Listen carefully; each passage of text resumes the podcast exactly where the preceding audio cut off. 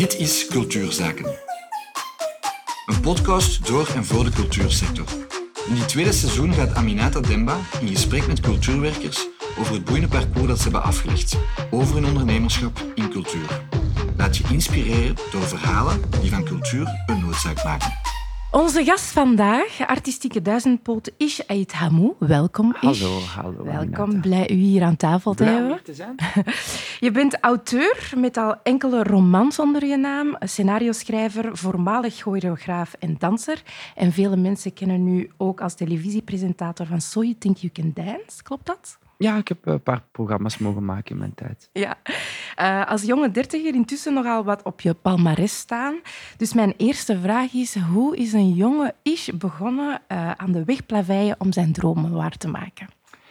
Het is begonnen waarschijnlijk met een droom omdat, eh, en een passie. Maar toen ik jonger was, je hebt, niet, je hebt, je hebt geen leidraad. Hè. Je, je, is het dag in dag uit. Je doet wat je graag doet. Ik, ik herinner me dat ik, eh, ik wou basketbalspeler worden en voetbalspeler en, en ook danser. Ik deed. Mijn weken waren goed gevuld. Elke dag had ik een activiteit. Eh, maar, en het is tijd eigenlijk. eh, tijd dat je een beetje de weg laat zien van wat je interesses zijn, waar je goed in bent, wat je talenten zijn. eh. Dus toen ik jonger was, geen flauw idee. En dan, ik denk gewoon ehm, attent zijn op momenten en dan een beetje goed aanvoelen wat, wat interessant voor mij kon zijn. eh. Want je hebt je nooit echt vastgepind op één ding. Hè? je Nee, hebt altijd nooit. verschillende dingen ja, gedaan. altijd verschillende. En ik denk ook omdat ik eh, ook nooit echt een strategie geweest, gewoon een zoektocht. En als je zoekt, dan, dan probeer je verschillende dingen uit. Dus het is altijd een zoektocht geweest. Het is het nog altijd vandaag. Ik denk een van de redenen waarom dat ik verschillende dingen doe, omdat ik nog altijd op zoek ben naar. Ehm, eh, op zoek ben naar mijn geluk. En eh, op sommige momenten ligt het daar en op andere momenten ligt het daar. Dus ik moet altijd verschillende zaken doen om, om ervoor te zorgen dat ik gelukkig blijf in alles wat ik doe. Ja. Je doet inderdaad verschillende zaken, en waardoor we u toch wel een cultureel ondernemer kunnen noemen. Eh, hoe zou je jezelf beschrijven als cultureel ondernemer? Eh, als, een, als een. Dat is een goede vraag.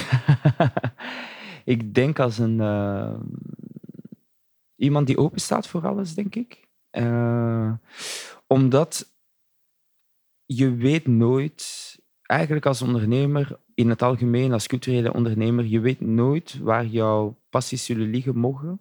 Je weet nooit eh, van waar je ideeën zullen komen. En zeker in een artistieke vorm, het is een en al inspiratie. Het is een combinatie van inspiratie en hard werken. Het hard werken, dat ligt in je handen. Inspiratie, dat, dat is iets dat je ook moet opzoeken. Dus ik denk dat ik eh, open sta. Ik denk dat ik ook een harde werker ben. En, ehm, en ik hou van, eh, van eh, teamwork. Ik hou van teamwork. Samen, de sa- visie samenbrengen, expertise samenbrengen om dan iets nieuws te gaan maken en Mhm. een nieuwe pad te gaan bewandelen. Dat is iets dat me altijd heeft geboeid. Dus ik denk harde werker en open-minded en dan samenwerking opzoeken. Ja. Je hebt eh, zelf al aangegeven dat het begint vanuit een inspiratie, een soort van ideologie. Ja. En, maar dan moet je het ook gaan waarmaken en Ja, realiseren. Eh, wanneer is dat bewustzijn bij u gekomen van oké, ik, heb, ik, heb heel veel, ik ben kunstenaar, ik wil verschillende dingen maken, realiseren. Maar hoe begin, wanneer begint dat ondernemen zich bewust eigenlijk te installeren bij jou? Bij mij was het denk ik vanaf het moment dat... ehm, dat- ik heb twee fases gehad. Mhm. Ehm, de ene fase, denk ik, is vanaf het moment dat ik heel actief bezig was met het dansen. En eh, ik herinner me dat ik ooit eens zo Think You Dance had gedaan. Ik was dan jurylid en plots waren er in één keer opportuniteiten. En ik merkte dat ik proactiever moest zijn dan daarvoor. Ik denk dat daarvoor, ik was een danser die... Ik was heel proactief in, het, in mijn opleiding. Dus ik was iemand die een rugzak kon nemen en dan drie dagen naar Duitsland zonder te weten waar ik ging slapen of wat dan ook. En dan naar Parijs en dan gewoon om te kunnen trainen, naar battles te gaan en al die zaken. Dus dat maakte deel van mijn onderneming. Maar als het ging over professioneel zijn, dat was eerder het afwachten. Ik was niet iemand die naar audities ging. Ik was niet iemand die cv's uitstuurde. Ehm, heel zelden tenminste. Dus vanaf dat er opportuniteiten beginnen te ko- kwa- toen kwamen, toen dacht ik van oké, ik moet hier nu proactief iets gaan veranderen. Kijken naar wat zijn mijn mankementen, wat zijn mijn sterke punten. En dan die gaten proberen te vullen met of eh, professioneel hulp of eh, een andere state of mind, een mindset veranderen. maar één keer dat opportuniteiten kwamen. Dat was één. En dan tweede, wanneer ik uh, vader ben geworden. Ja. Toen ik mijn kinderen kreeg, toen had ik nog meer het, het, uh, het ondernemen uh, ten opzichte van hen om een nalatenschap te hebben. Ja, dan heeft dat nog een ander niveau. Dat, ja, dat was nog, ja. dan, dan was het meer gaan vechten voor intellectuele eigendom. Ja. En dat uh, rechten kunnen behouden, contracten gaan herzien, vechten voor nieuwe vormen van contracten.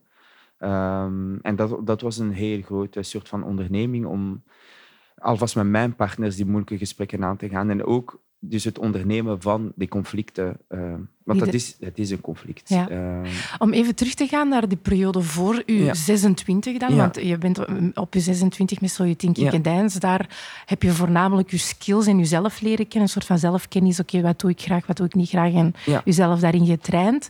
Dan kwam die opportuniteit van Soje Tinky Gedijns en daar heb je wel iets heel belangrijk ondernomen om die opportuniteiten zelf te creëren, want die opportuniteiten zijn niet zomaar gekomen. Ehm, ja, ik denk een van de, de, de zaken, als je daarnaar refereert, is de. Ik, ik besefte toen dat ik heel goed was in bepaalde zaken en minder goed in bepaalde zaken. En ik had iemand nodig. En het is het, eh, het inzien dat je iemand nodig hebt op sommige vlakken, dat ik dacht van oké, mijn structuur moet gaan veranderen. Ik ben een eh, freelancer geweest, maar zonder soort van onderneming of wat Mhm. dan ook. Ik, eh, de meeste dansers een lange tijd eigenlijk onder een artiestenstatuut, of tenminste een artiestenstatuut Mhm. proberen te behalen en eh, behouden, want dat is vaak moeilijker. Ehm, maar toen dacht ik van oké, ik moet mijn eigen structuur gaan opstarten. Eh, ja, ik wil zelfstandig worden, en ik, eh, me- meer controle over de financiële aspecten. Maar ook daarin, toen ik dat had, was ik denk ik voor mezelf slim genoeg om eh, de puzzelstukjes samen te leggen waar veel opportuniteiten. Dus ik had een soort van projectie van wat een inkomen zou kunnen zijn. En dan inzien dat ik administratief een catastrofe was. En dan snel gaan samenwerken met een manager eigenlijk. Om, eh, om het, het maximum te halen uit mijn talenten en mijn momentum. En ik denk dat ik, als ik dat niet had gedaan, had ik veel opportuniteiten laten liggen. En ook veel inkomsten laten liggen, omdat ik gewoon administratief niet sterk genoeg was. Hm. Soms is het gewoon maar te laat antwoorden op een mail en de job is, verte- is, is weg. Als je iemand hebt die dat is hun core business, dan ben je zeker dat je elke opportuniteit voorbij ziet komen. In dat opzicht, wat, wat was de fundamentele verandering met het, eh, dat mee is gekomen met het samenwerken met een management? Hoe Eh, belangrijk is dat voor u en hoe zoek je dat eigenlijk, een, management? Voor, mij is dat heel belangrijk. eh, maar op, opnieuw, dat hangt echt af van, de, van je karakter en ook van de omgeving in welke je zit, in welke branche je zit. En je moet altijd kunnen overwegen van wat brengt het mij bij en wat kost het mij. Eh, dus voor iemand die weinig doet en in die zin weinig doet waar dat je manager voor nodig hebt, dan eigenlijk eh, is het misschien een beter idee om gewoon zelfstandig eh, je, je, je, je mindset proberen te veranderen om dat zelf te kunnen doen. In mijn geval, er waren veel aanvragen. Ehm, wie zegt aanvragen, zegt onderhandeling van contracten. Het is heel moeilijk om je eigen contract te onderhandelen. Omdat je dan, je, eigenlijk als je een contract onderhandelt, praat je over de waarde die je jezelf geeft en jouw werk geeft. En dat kunnen heel moeilijke gesprekken zijn. Als ik met jou moet samenwerken voor twee of drie jaar en jij probeert mij het minimum te betalen, ik probeer het maximum eruit te halen. Voor jou, om mij minimum te betalen, moet je een verkooppraatje doen dat ik eigenlijk niet dat bedrag waard ben. Dat is heel moeilijk als we mogen willen samenwerken. Dus je hebt een tussenpersoon nodig die dat harde, die harde taal en harde aanpak neemt, zodat de relatie tussen de kunstenaar en de producer of wat dan ook gezond kan blijven. Want als ik van jou hoor dat jij vindt dat ik maar 5 euro waard ben, ja, het gaat heel moeilijk zijn om met jou samen verder te werken. Ehm, en Speelt daar een emotioneel aspect zeker en vast. Dus, dus, daar, zit, daar zit veel ego, daar zit veel, er zit veel ego tussen, maar er zit ook gewoon, ehm, zoals je zegt, een emotionele waarde die je geeft aan jouw werk ook. Eh, jij weet hoe lang en hoeveel je hebt geïnvesteerd in iets dat soms kan overkomen als niets bij een ander.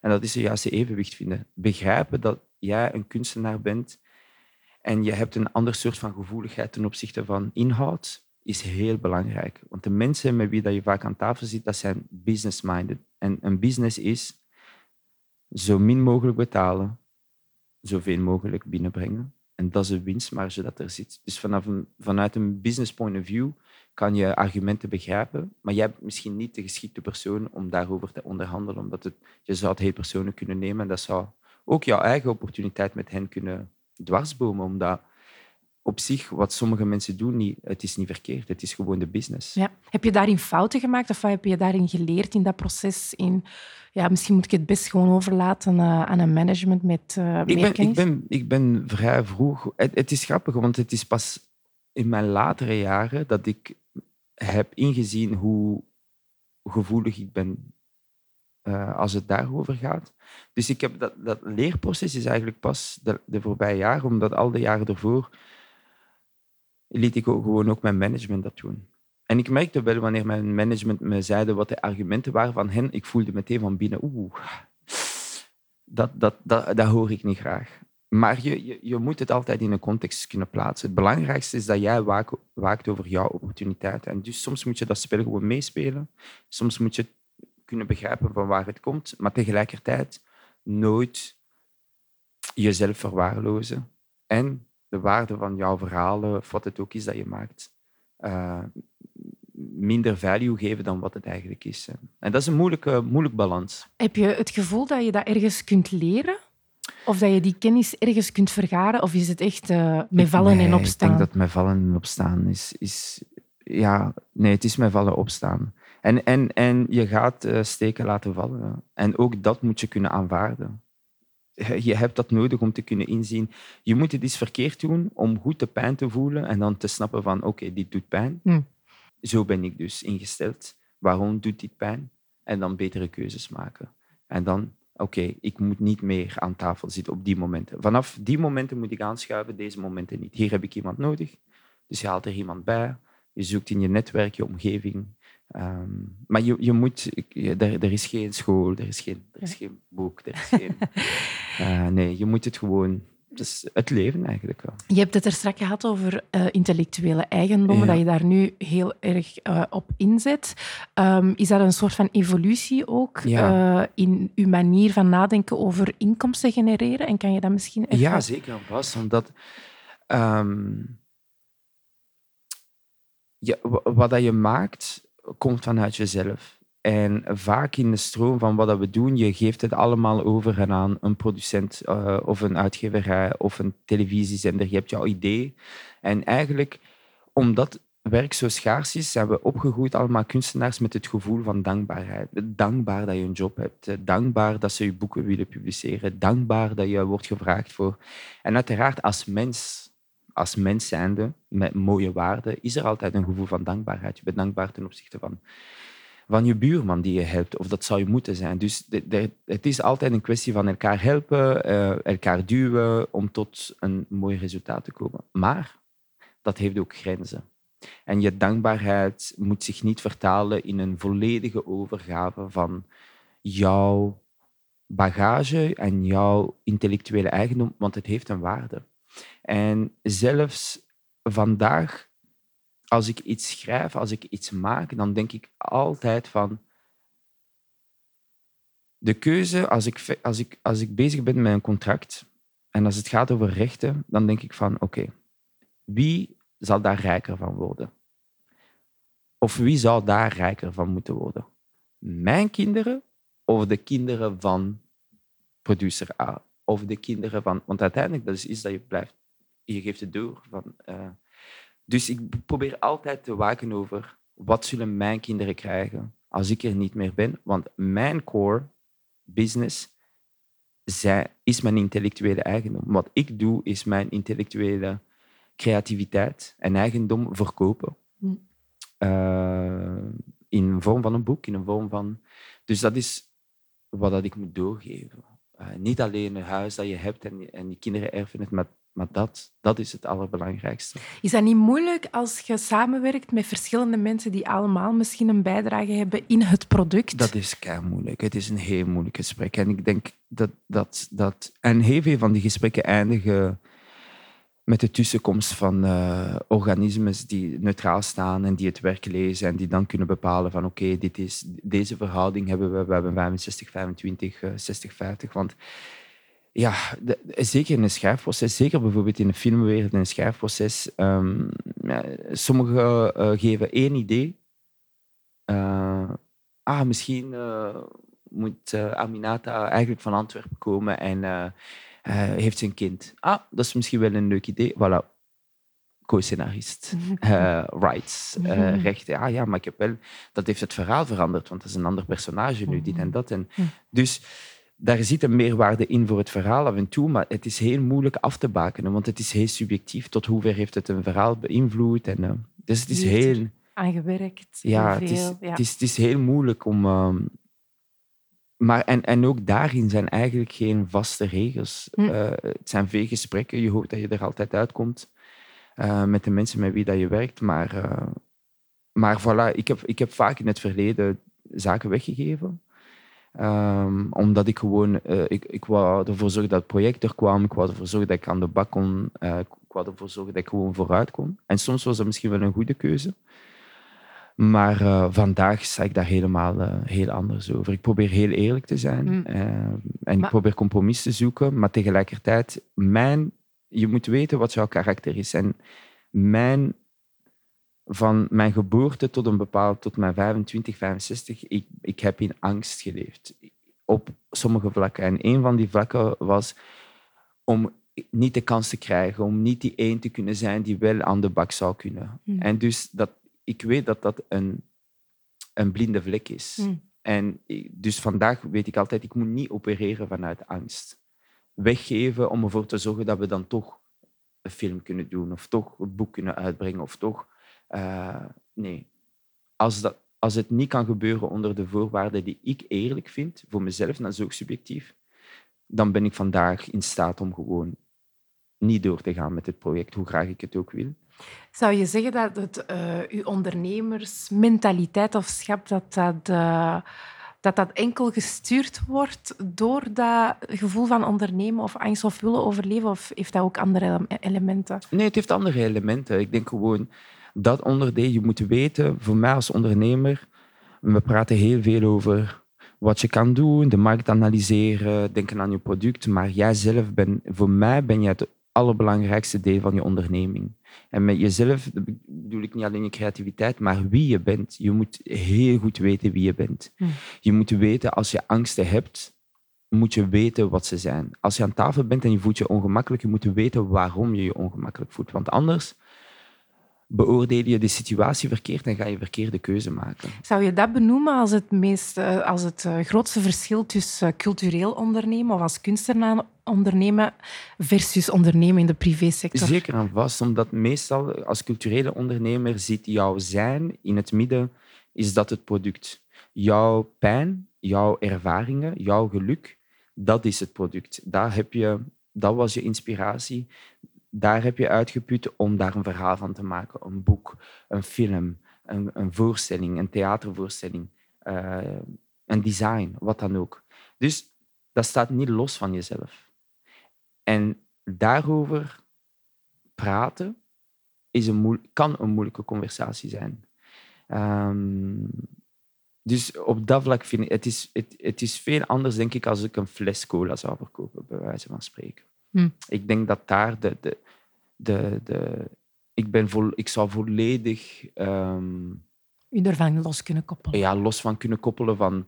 Het zou misschien meer een beetje ego zijn of mijn visie van hoe we iets kunnen verkopen of het ondernemen zelf. Maar als, als je als eigen delen van jezelf het product zijn of deel van het product zijn, is het, is het gewoon veel moeilijker. Ja. Ja. Ehm, je, zet, je, vers- je combineert verschillende pet- pitches. Hè? Ja. Je, je opereert in verschillende sectoren. De filmsector, de literatuursector, de podiumkunsten. Eigenlijk geen makkelijke sectoren om je in eh, voor te bewegen en relevant te blijven. Hoe zorg je ervoor dat al die activiteiten onder die paraplu's, dat je die kan blijven realiseren? Ik denk dat het, dat het is, en dat gaat misschien, het is eigenlijk helemaal niet cliché, maar het is een passie dat ervoor zorgt, voor mij, dat ik er. Voor mij is altijd alles een kwestie van tijd geweest. Statistisch gezien, om aan mijn eindbestemming te geraken, heb ik tijd nodig. Hoe langer ik mijn tijd kan rekken, en met tijd bedoel ik een tijd waarin ik gemotiveerd ben, dat ik tegenslagen aan kan, dat ik er zin in heb, dat ik hard doorwerk, uh, dat ik val en recht sta en val en recht sta. Het is een kwestie van tijd. Als ik maar een maand kan volhouden, is mijn window heel klein om een succes te kunnen boeken. Als mijn window zeven jaar kan duren, dan is er veel meer tijd voor opportuniteit. Dus ik denk dat mijn passie voor wat ik doe en mijn oprechte liefde voor verhalen en het zin om te ondernemen is zo groot dat ik het gevoel heb dat ik veel tijd heb. Waarin ik dagdagelijks op kan staan en ervoor kan vechten. Ik merk dat ik de tegenslagen ook beter incasseer dan andere type tegenslagen. Omdat je erin gelooft. In geloof, maar ook ontzettend veel zin in heb. En ehm, als je zegt van oké, hoe, hoe maakt dat een bepaald idee voor u een film moet worden of een, uh, of een boek? Is het het verhaal dat het medium kiest of is het medium dat u inspireert om een soort van thema? Soms beide. Soms beide. Soms is een medium dat je inspireert op basis van een heleboel films je hebt gezien en dat je eigenlijk bepaalde invalshoek ontdekt en je, en, en je ontdekt ook, ah wauw, dat, dat is ook iets dat je met zo'n medium kan doen. Zo, dat heb je soms bijvoorbeeld als je naar theater gaat en je ziet een bepaald theaterstuk en je denkt, oh wauw, ik, ik, ik was nooit stilgestaan bij de mogelijkheid dat dit mogelijk zou zijn op een podium en de emoties en de, de vorm en maar soms is het ook jouw verhaal. En dat je denkt van oké, ik heb een verhaal. Wat is het sterkste voertuig? Ik denk altijd aan wat uh, is mijn verhaal en welk, medium zal de kansen verhogen dat mensen geraakt worden door het verhaal. En omdat je een ervaring hebt met het boeken schrijven en boeken lezen, films kijken en al die zaken, heb je een betere affiniteit en gevoeligheid en dat je denkt van... Dat is ook smaak. Hmm. En dat vind ik het fijn aan kunstenaars, is je krijgt wat zij fijn vinden. Ja. Je krijgt hun visie. Dat brengt mij meteen bij de volgende vraag. Want inderdaad, het begint altijd bij wat jij graag wilt uh, vertellen en in welke vorm. Maar je hebt ook een publiek nodig natuurlijk, die dat uh, wilt behappen. Uh, hoe, hoe doe jij dat of hoe werkt dat voor u? een publiek opbouwen, hoe bereik jij jouw publiek? Wel, dat zijn twee aspecten. Um, en wij, wij leven ook in twee werelden. Je hebt een digitale wereld en dan de hele wereld. En soms die grens daar verdwijnt af en toe, maar ik, ik heb altijd ingezet op beide. Uh, met social media, uh, het delen van... Niet alleen het delen van jouw product, als het jouw boek is of wat dan ook, maar ik denk ook het delen van jouw avontuur. En ik denk dat dat misschien wel het meeste connect, voor connectie kan zorgen met de mensen. Mensen hebben ook een avontuur en ze vinden daar een soort van gemeenschappelijke momenten.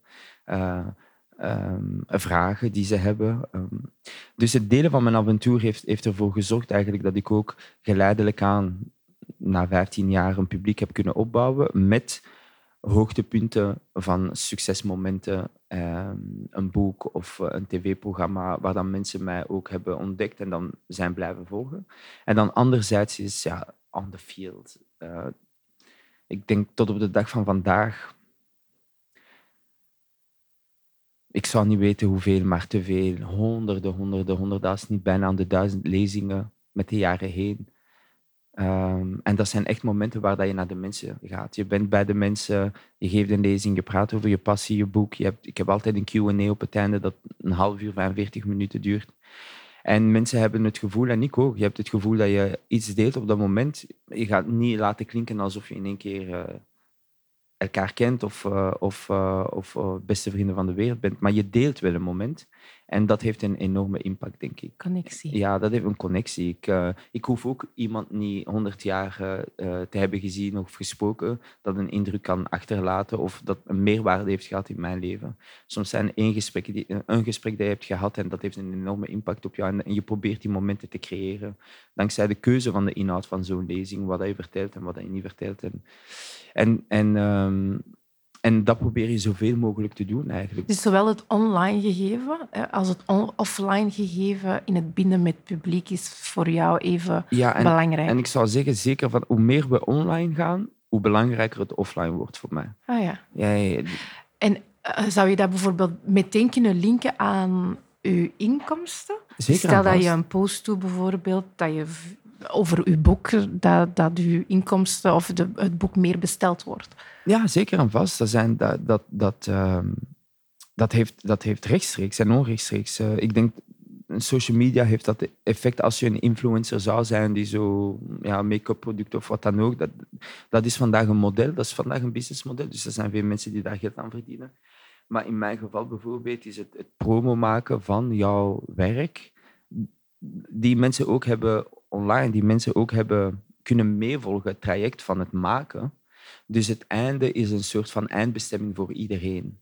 En dan het promoten daarvan resulteert eh, ongetwijfeld eh, in verkoop. Mensen gaan het boek halen. eh, er zijn sommige mensen, momenten waar je een post doet waar andere mensen die het boek hebben gelezen erop reageren, hun er, leeservaring delen. Dat prikkelt dan weer andere mensen die meelezen. Zeggen, ah, misschien moet ik het toch gaan lezen. Dus eh, ticketverkoop voor voorstellingen of wat dan ook. Dus het heeft, het heeft een enorme impact. Ja. En is dat iets waar jij specifiek mee bezig bent of zet je daar echt mensen Nee, op? ik, ben er, ik, heb, ik heb altijd mijn social media voor mezelf gehouden. Waarom? Eh, omdat ik... eh, in, omdat ik het ook, ook al weet ik dat, ik dat het een tool is, ik heb het nooit als tool gezien.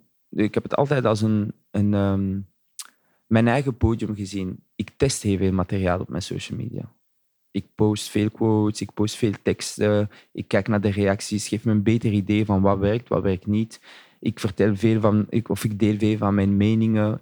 Eh, op de reacties kan ik een beetje inzien, oké, wat heb, zijn sommige mensen die heel terechte dingen reageren, soms denk ik van, ah, interessant. Dat Hmm. is, ik had het nooit vanuit dat perspectief gezien. Oké, ik moet verder gaan zoeken. Ik moet verder gaan werken aan wat dat ik wil vertellen. Want als ik iets vertel, probeer ik zo waterproof te zijn. Ik, dat ik het eens of oneens ben, maar ik probeer wel alle verschillende meningen over het onderwerp tenminste te weten. Hm. Eh, dan versterkt het mij in mijn positie ehm, om te vertellen wat ik wil vertellen. Dus het is zowel een eh, tool om inhoudelijk onderzoek Oh, ja. te doen, als om inderdaad inkomsten te, Ja, te en- blijven genereren en je producten te En het is, het is een cirkel. Want, eh, en ik denk wat veel mensen met social media, omdat het nu wordt gezien als een soort van tool om te verkopen, het is een business geworden.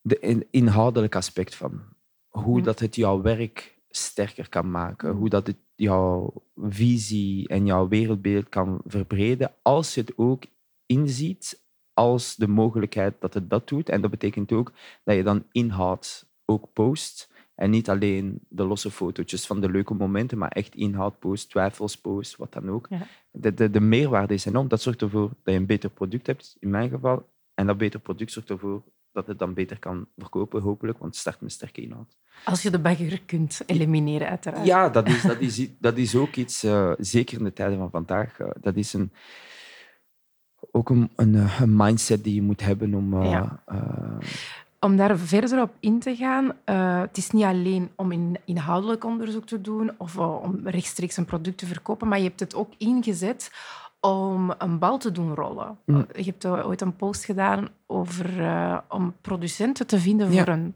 idee, een film, ja, een Ja. idee voor een film.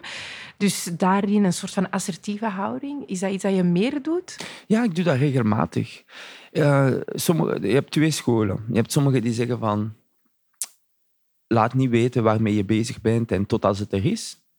En dan je hebt uh, anderen die zoiets hebben van... Ik gooi het in het open, je weet nooit. Ik, ik, ik ga mijn energie naar buiten brengen en het zal waarschijnlijk andere energieën aantrekken dan andere mensen aantrekken. Maar wat was de beweegreden achter die, ja, dat inzet van je? Wel, ik heb altijd films willen maken en ik dacht dat boeken in eerste instantie de weg zouden zijn naar films, omdat heel veel films worden verfilmd vanuit een adaptatie, of een, het is een adaptatie van een boek. En ik lees heel veel uh, cinemamagazines en ik, ik zag altijd, of als een deal werd gemaakt of wat dan ook, dat het eigenlijk een boek was. Dus voor als startende, om een film te gaan maken, leek me dat een te grote... Dat was een te grote kloof tussen waar ik was en een film, in termen van financiën ook.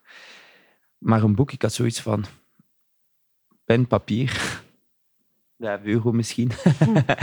het, ik, ik kan ervoor zorgen dat, dat, dat ik iets kan schrijven. En ook de productie van een boek is veel minder, veel minder duur dan een film. En, uh, en na mijn eerste boeken um, kwam er geen adaptatie eigenlijk. Uh, ik was heel naïef om te denken een keer dat er een boek zou zijn, dat er ook een film zou volgen op een of andere manier. Dus ik denk dat de combinatie van mijn frustratie en ook van de gemiste kans dat ik vond, want ik had heel wat in mijn laden liggen en ik dacht van, of het gaat daar liggen, omdat ik te... Hmm, combinatie van nederig en uh, voorzichtig en angstig. Ik ga mijn hoekje blijven wachten, of ik ga gewoon mijn megafoon gebruiken, mijn social media, en gewoon zeggen van, kijk, uh, producenten, ik heb iets ik heb eigenlijk verschillende verhalen. Als er iemand interesse heeft, stuur me maar een mail. Uh, en voilà, dat heb ik dan gewoon gedaan. En dan kreeg ik antwoord van een paar eh, productiehuizen en dan gesprekken gevoerd. En uiteindelijk hebben we met, uh, zijn we gaan samenwerken met Potemkino voor mijn kortfilm en dan een langspeelfilm. En is assertiviteit volgens u een uh, belangrijk element in cultureel ondernemerschap? Ik denk het wel. Gewoon weg omdat, en dat hoeft niet voor iedereen, maar gewoon wat je maakt is te belangrijk. Ik zou denken dat je zou starten van wat ik maak is te belangrijk om afhankelijk te zijn van de interesses van anderen. Of hopen dat de ogen op jou zijn gericht. Ik start vanuit wat ik heb. Dat is mijn geloof. Ik, ik kan niet vechten voor iets als ik niet geloof dat dit de next thing is. En misschien kan blijken dat het niet zo is. En soms bleek het ook niet te zijn vanuit mijn eigen. Dat ik denk van, na een jaar te hebben gewerkt, dan is dat ik denk van, ah, het is toch niet wat ik dacht dat het is. Maar je moet, er, je moet daar wel starten, vind ik. En assertief zijn, dat is gewoon vechten voor jouw baby. Als ik mijn kinderen naar school breng en hun eerste schooldag, hun tweede schooldag, en na een maand en na twee maanden, en ik zie ze altijd alleen op de speelplaats en niemand speelt met hen, ik ga niet wachten tot ik ga gaan zoeken, ik ga gaan praten met de leerkracht. Ik ga praten met de directie, zien, is er iets, is er iets gebeurd, is er niets gebeurd? Zouden we iets kunnen doen om, om dat sociale aspect van hem, misschien ligt het aan mijn zoon, dus dan, we gaan een beetje met hem praten, misschien ligt het aan de structuur van de school, misschien zijn er niet genoeg activiteiten, misschien moet ik een buitenschoolactiviteiten laten doen, als dat het geval zou zijn. Maar je bent assertief, je wacht niet totdat hij in één keer vrienden heeft, totdat hij, je wacht een moment, want dat is een natuurlijke koers, maar na een moment, als het dan niet gebeurt en jij vindt het belangrijk dat hij wel uh, een sociaal leven begint op te bouwen, wat dan ook, ja, dan moet je, ik ga hem inschrijven bij de basket of ik ga hem doen, dat doen. En ik vind het is hetzelfde met, precies hetzelfde met jouw werkstukken. Is, je maakt ze, je gooit ze daar, mensen weten dat het bestaat, je wacht even en als, het je, als jij het belangrijk vindt dat het, jouw werkstuk verder evolueert naar iets dat je graag wilt, en het gebeurt niet, ja, dan moet je gesprekken gaan beginnen. Hm. Dan moet je uit je shell komen en dan moet je, hey, dit, kunnen we dat doen, kunnen we dit hm. proberen met de partners die je hebt. In dat opzicht is het echt actief zelf opportuniteiten creëren. Of course. Bijna. Uh, ben je iemand die uh, in, u, in wat je doet voornamelijk autonoom werkt of geloof je echt in samenwerkingen? Ik geloof keihard in samenwerkingen, maar ik zie mezelf als de verantwoordelijke. Dus dat betekent, het begint bij mij, ik moet de, ik moet de motor zijn. Ik moet wind blazen in de zeilen van iedereen. Ik moet mensen kunnen inspireren en mensen zien geven om verder te werken aan iets wanneer het moeilijk wordt. Dus het moet bij mij starten en het moet bij mij eindigen. Als iedereen zou het geval zijn dat, dat, dat we op het einde zijn en er moet extra, extra opoffering gemaakt worden, dan ben ik degene die het zou moeten doen. Um, en alles daartussen voor mij is samenwerking. Maar het, moet, het is niet zozeer dat je dan samenwerkt en dan je laat het liggen bij iemand en je verwacht dat zij het helemaal doen, dat zij een succes van proberen te maken. Het is mijn baby, het is mijn werk, het is bij mij begonnen en ik moet ervoor zorgen dat ik tot het uiterste ga. Desondanks mijn teleurstellingen, soms in samenwerkingen, maar het eindigt bij mij. Over tegenslagen gesproken, uh, wat zijn voor jou, als je even terugkijkt naar heel die evolutie waar je vandaag staat, de grootste drempels geweest of tegenslagen waar je dan uit hebt moeten leren als cultureel ondernemer? Uh, als het moeilijk werd, of als het te moeilijk werd, dan was het meestal door mezelf. En wat ik daarmee bedoel, is dat ik niet klaar was om dat te kunnen aanpakken. Uh, en, ik, en ik probeer mezelf altijd klaar te stomen voor alle mogelijke scenario's. Mezelf goed kennen, sterk in mijn schoenen staan, uh, een goed netwerk hebben, zodat ik zoveel mogelijk aan kan. Want er zijn gebeurtenissen die plaats hebben gevonden. Je krijgt een nee hier, je hebt de slechtverkoop daar, je hebt de COVID eh, die er is en die alles sluit en dit en dat. Maar als COVID alles sluit, waar blijf je? Wat is datgene waarmee je overblijft? Met jezelf. En dan moet je met jezelf en je tegens en je teleurstellingen en je angst en je stress en je, je financiële moeilijkheden, je moet daarmee aan de slag gaan. Maar om daarmee aan de slag te gaan, heb je een sterke zelfkennis nodig hmm. om daarmee verder te kunnen gaan. dus er zijn externe elementen, ja. maar die zijn, voor mij zijn ze nooit... Ik, ik vond het interessant omdat, om, om een goed voorbeeld te geven, is ik kan kijken naar mezelf, mijn achtergrond, Marokkaan zijnde, hier opgegroeid met wat het leven is geweest hier en in termen van opportuniteiten bijvoorbeeld. En soms heb ik gesprekken met anderen die hetzelfde bagage hebben, een beetje hetzelfde karakter, dezelfde tegenslag voor hen. Oh, on to the next one. En dan ik, oh nee, die, dat gaat hier nooit veranderen. Bibabam. Dus wat, wat verschilt eigenlijk? De tegenslag is hetzelfde. Wat verschilt onze reactie? De mindset, karakter ook. En dan is dan iets dat ik positief inzie in de zin van daar heb ik, daar heb ik controle. Ik heb controle over mezelf. Ik kan werken aan bepaalde dingen aan mezelf om die tegenslagen beter te kunnen. Maar is het echt enkel het element jezelf? Want zoals ik al zei, je opereert in verschillende sectoren. Je hebt er straks aangegeven van, als het gaat over intellectuele eigendommen, sta ik er nu anders over. Heeft het ook niet te maken met uh, in het cultureel ondernemerschap niet over alle kennis te kunnen um, beschikken, waardoor dat je ook dingen moet leren. Uiteraard. En ook het systeem zit heel vaak En wat, was, wat was, er bij jou dan het ding dat je dacht, ga, als ik die bagage nu had, had het misschien sneller gegaan allemaal. Of toch makkelijker. Ja, maar dat heb ik altijd op alle vlakken. Contractueel wist ik, als ik kijk naar mijn contract van mijn eerste boek en mijn laatste, als het gaat over royalties, wist ik wat ik nu wist, was het een heel ander gesprek geweest. Uh, dus, dus, en, en het probleem daarin, vind ik, is dat weliswaar, kennis is een probleem. Er is niet genoeg kennis, niet genoeg kennis wordt verdeeld, maar vaak de instellingen zitten nog fout, met een foute mindset. En die op vele vlakken af en toe bijna limiet uitbuiten voor sommige kunstenaars en wat dat ze maken, wat hun bijdragen is tot de culturele erfenis van ook het land. Dus het is een.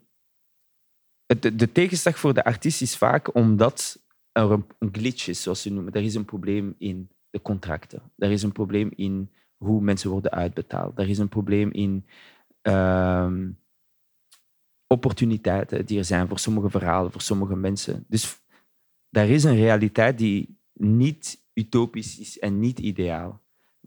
En dan, jij bent, jij komt in en jij bent een kleine speler. Je bent getalenteerd, je hebt iets te vertellen, je bent hardwerkend, je hebt er zin in. En wat ervoor zal zorgen, in mijn geval, ik kan alleen praten voor mezelf, meestal al die tegenslagen van een instelling die, dat in mijn ogen vaak fout zit ten opzichte van de kleine kunstenaar, wat ervoor gaat zorgen dat jij je situatie zal kunnen veranderen, is geen dus ex machine. Het is geen geschenk. De instelling gaat niet in één keer veranderen.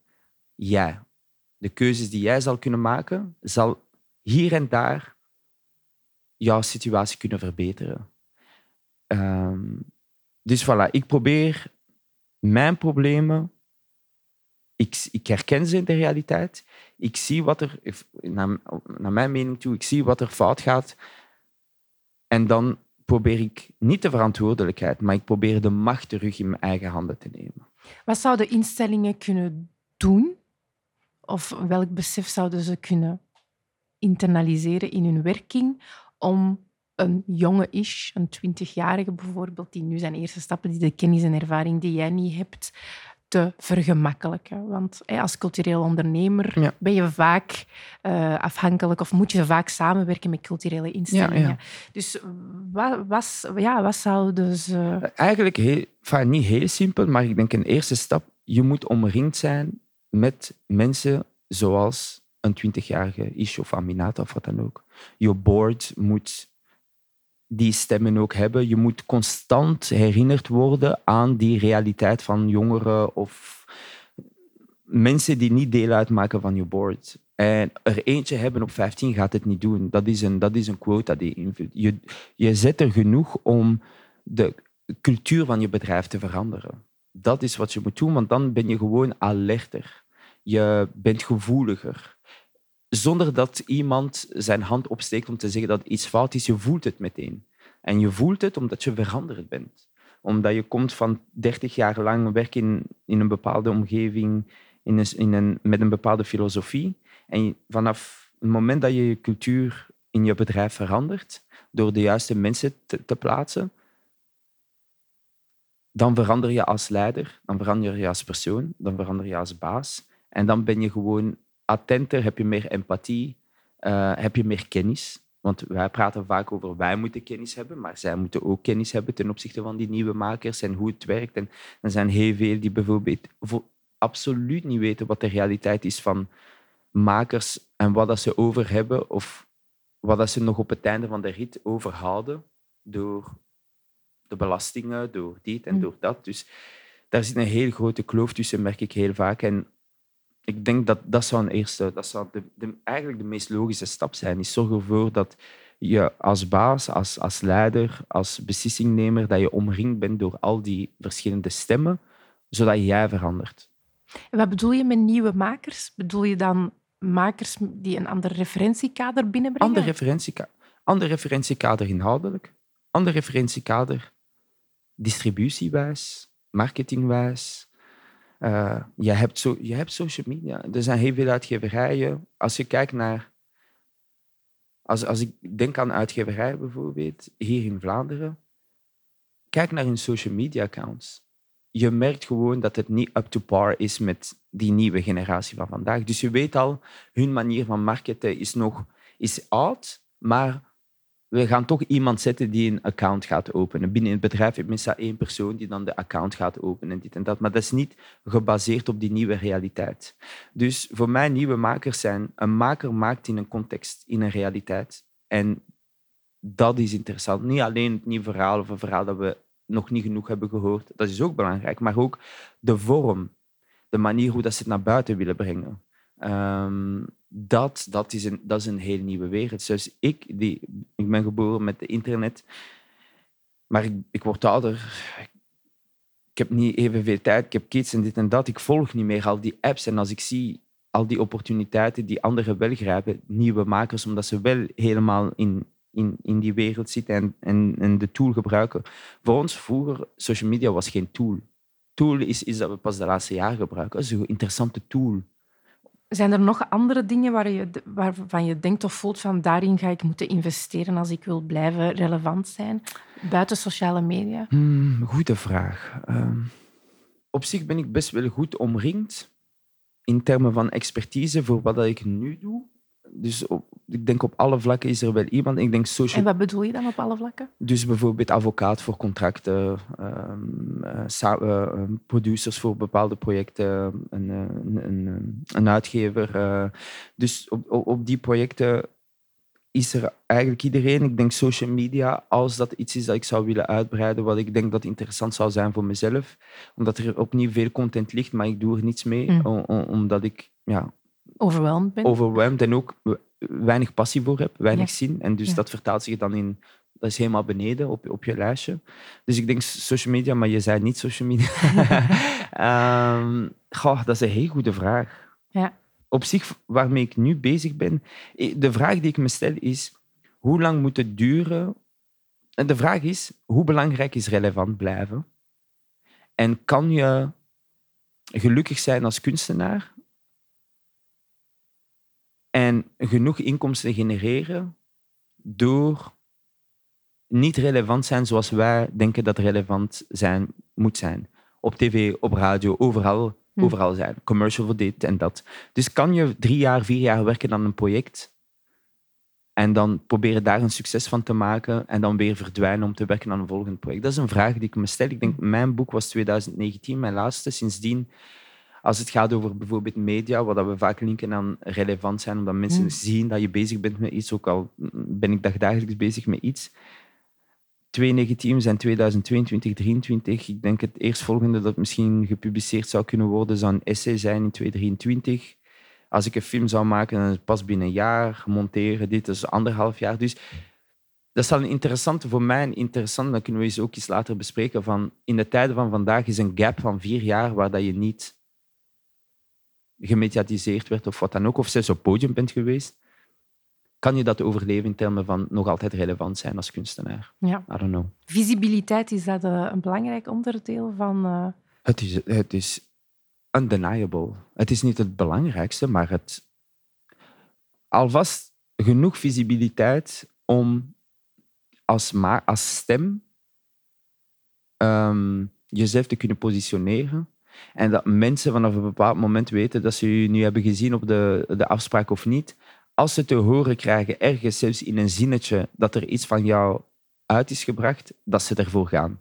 Omdat ze weten, ze weten welke stem je hebt. En ze, hebben, ze zijn fan of ze lezen graag of ze kijken graag wat dat je doet. Dus, maar om op dat punt te komen, heb je visibiliteit nodig. Dat is een soort van... eh, en moet je dat opbouwen? moet je dat opbouwen. Je moet, je moet een, een positie kunnen claimen ehm, ten opzichte van de markt. En dat ze weten van, oké, Aminata, of het nu een voorstelling is, of ze host een podcast, of ze schrijft een boek, of wat dan ook.